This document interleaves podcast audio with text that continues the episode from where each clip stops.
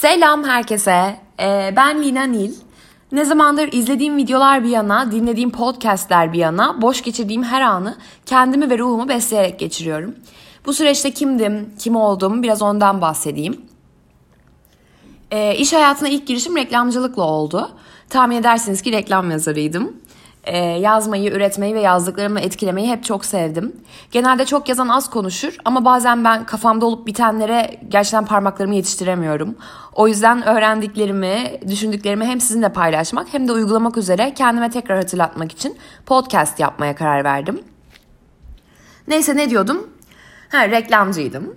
Ee, İstanbul Bilgi Üniversitesi reklamcılıktan mezun oldum. Bir de üstüne Miami Art School'dan copywriting üstüne sertifikamı aldım. Ee, çeşitli reklam ajanslarında çalıştım. Ya baya baya yazardım yani. Sonra çalışma standartları benim standartlarıma uymayınca e, ya standartlar konusunda biraz şeyim. Neyse işi bıraktım, evlendim, e, çok sevdim. İlk başlarda eşimin işine yardım ettim. Ona yardım ederken ben ne yapıyorum, ne yapmalıyım, ben aslında neyim diye kendime sorup durdum. E, hala da soruyorum ama o zamandan bu zamana o kadar çok şey öğrendim ki kendimle ve hayatla ilgili. Ama o zaman farkında değildim. Ya, o zaman sadece anlamsız sorgular içerisindeydim. Zaten insan çok yoğun karmaşıklığın içindeyken hiçbir şey anlayamıyor. Ancak üstünden zaman geçince dönüp baktığında görüyorsun. Neyse ben de böyle neydim ne oluyordum derken annem kanser oldu. Yani bayağı böyle net bir şekilde söyledim ama o kadar zordu ki aslında o sırada. Ya biz aslında şu an böyle söylediğime ben bile şaşırdım. Çünkü biz bunca zamandır hep işte hastalık, senin o hastalığın zamanı, işte o zamanlar falan diyorduk. Asla kanser kelimesini kullanmıyorduk. Bu benim için bir şey demek ki bayağı atlatmışım ki bunu bu kadar rahatlıkla söyleyebiliyorum. Ee, yeni evlenmişim, işte aşırı çiçeği burnundayım. Yeni ev, bambaşka bir hayat, bir koca, bense bir karı. Yani tam bir düzen insanıyım bu arada ve düzenim inanılmaz bozulmuş hissediyorum bir anda. Ve üstüne annem kanser olmuş. Ya ben allak, ben bullak, ben kayıp. Buraları fazla uzatmayacağım çünkü amacım ah vah yapmak değil. Lina nasıl bir kafada onu anlatmak istiyorum ilk yayınımda. Ee, neyse o süreç her gün hastanelerde her gün araştırmalar yaparak yeni doktorlarla tanışarak işte annemin saçını birlikte kazıdığımız an depresyon, aşırı kilo kaybetmem, kemoterapi, radyoterapi, psikolojik terapi falan derken geçti. Sonra çöküşten çıkış, toparlanma, hayata adapte olma, yeni bir düzen kurma ve iyileşme başladı. Arada güzel şeyler de olmalı değil mi? Yani köpeğim oldu. e, bu süreçlerde oldu o da. Talihsiz bir zamanında hayatıma girdi ama gerçekten benim o talihsizlikten çıkmamın ya savaşımın bir parçası oldu Lex. Adı Lex bu arada ve şu an kucağımda. Ee, neyse ilk görüşte aşktı resmen onunla tanışmamda. Hayatımızın neşesi oldu bir anda. Ee, ya ona o kadar çok şey borçluyum ki ne kadar ödül kurabiyesi versem az aslında. Ya onunla disiplinli olmayı, işte kuralları ve yeni düzene daha kolay adapte olmayı öğrendim, olabilmeyi öğrendim. En çok da sabretmeyi öğrendim. Ya az çekmedim onunla da ama hepsine değdi. Ya Lex bana çok şey öğretti. Neyse ne diyordum? Lina kim? Şu güne kadar hala sorguladığım ve sanırım hayatım boyunca da sorgulamaya devam edeceğim bir şey bu. Ama bugünlerde daha bir açıklığa, açıklığa kavuşmuş olduğu için ve bu açıklığa gelmem inanılmaz uzun bir süreçten sonra olduğu için oturdum anlatıyorum işte. Herkes daha bilinçli olsun, kendini önemsesin, koy vermesin diye anlatıyorum aslında. Yani hayatta hiçbir acı sonsuza dek aynı şiddette kalmıyor. Öyle ya da böyle atlattık, e, atlatıyorsunuz yani. E, sonunda geriye kalan yine sen oluyorsun. Sen, sadece sen ve kendin. O yüzden kendine iyi bak diyorum. Ya gerçekten bu asıl söylemek istediğim tek bir şey varsa kendine iyi bak. Gerçekten bu.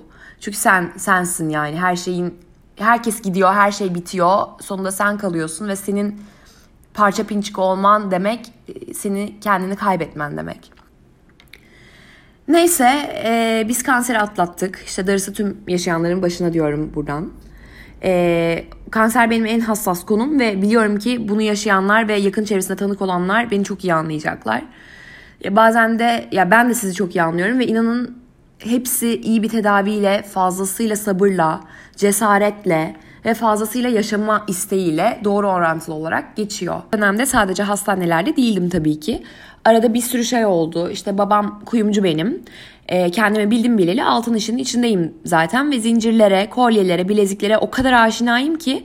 Ve o kadar ne yapacağımdan emin olamıyordum ki. Ya nasıl toparlayacağımı bilemedim e, babamın atölyesinde çalışmaya başladım. Yani aslında şöyle çok karmaşık bir zaman dönemin içindeyim. Bir şeyle oyalanmam, kafamı dağıtmam lazım.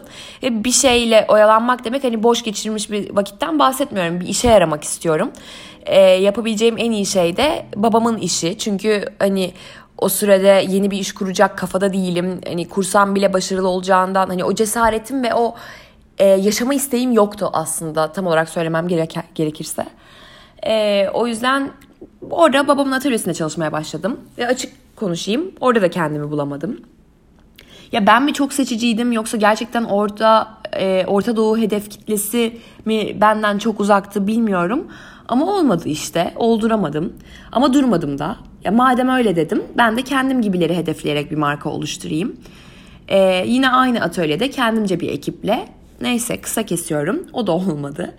Ee, çok da ben odaklı olmamak gerekiyormuş anlayacağınız. Ben bayağı kendimden yola çıkarak oluşturduğum bir koleksiyonla ortaya çıktım. Olmadı. ya ben koskoca bir kitle değilmişim ve zaten orası da bu işte çok da benlik değilmiş. Ee, ya kolyelerim benlikti ama zaten bu işten yanıma kar kalan sadece bir dolap dolusu takı oldu. Ee, ben de bir süre bu işten de uzaklaştım. Ama yakınlaştığım başka şeyler oldu. Ya hayat biraz da böyle değil mi zaten? Yani bir şeyleri kaybederken elinde kalanlar.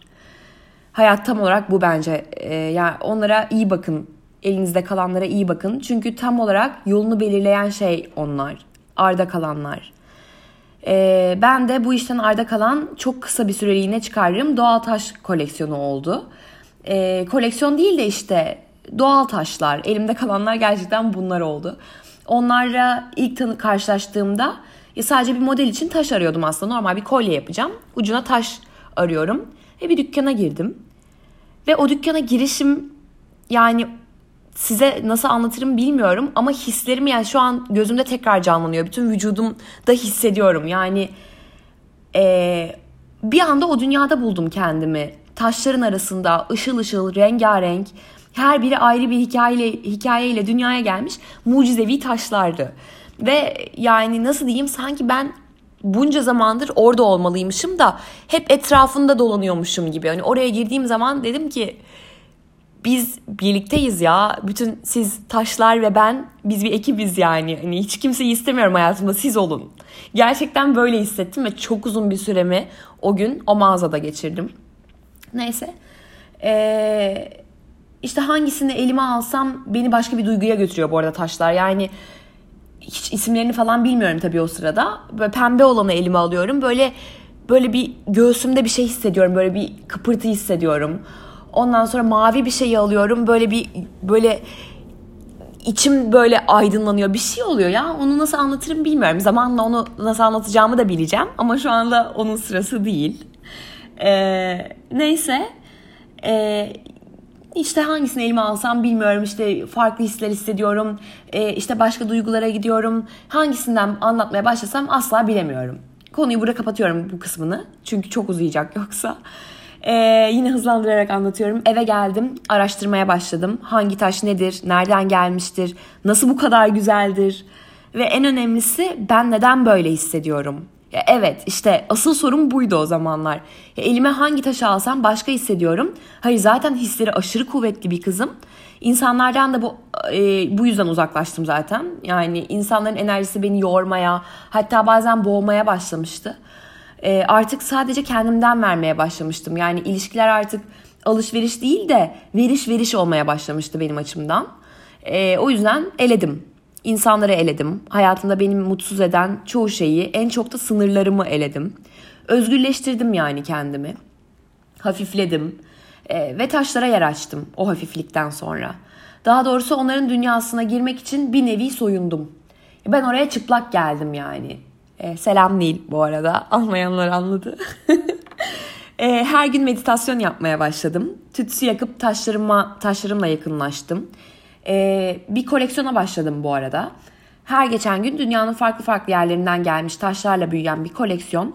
Bu arada ben çocukluğumdan beri koleksiyonerlik vardı zaten içimde. Yani e, çocukken de sticker yapıştırma koleksiyonum vardı. Ve e, yani her yerden gittiğim her yerden rengarenk pırıl pırıl yapıştırmalar biriktiriyordum.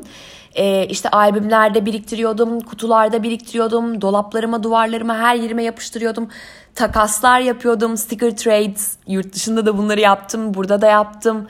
Ee, işte bir şey karşılığı sticker veriyordum çünkü onlara aşırı bir değer biçiyordum kendimce. Neyse bu arada bu koleksiyonuma hala devam ediyorum. Yani 28 yaşına geldim. Hala e, bir sticker koleksiyonum var. Her geçen gün büyüyen. E, neyse bu hayatımın ikinci koleksiyonu taşlar oldu. Yine aslında şaşırmamak gerekiyor. Parlak e, materyallerin e, daha elle tutulur hali diyeyim. İki boyuttan çıkmış hali benim için. Biraz öyle başladı.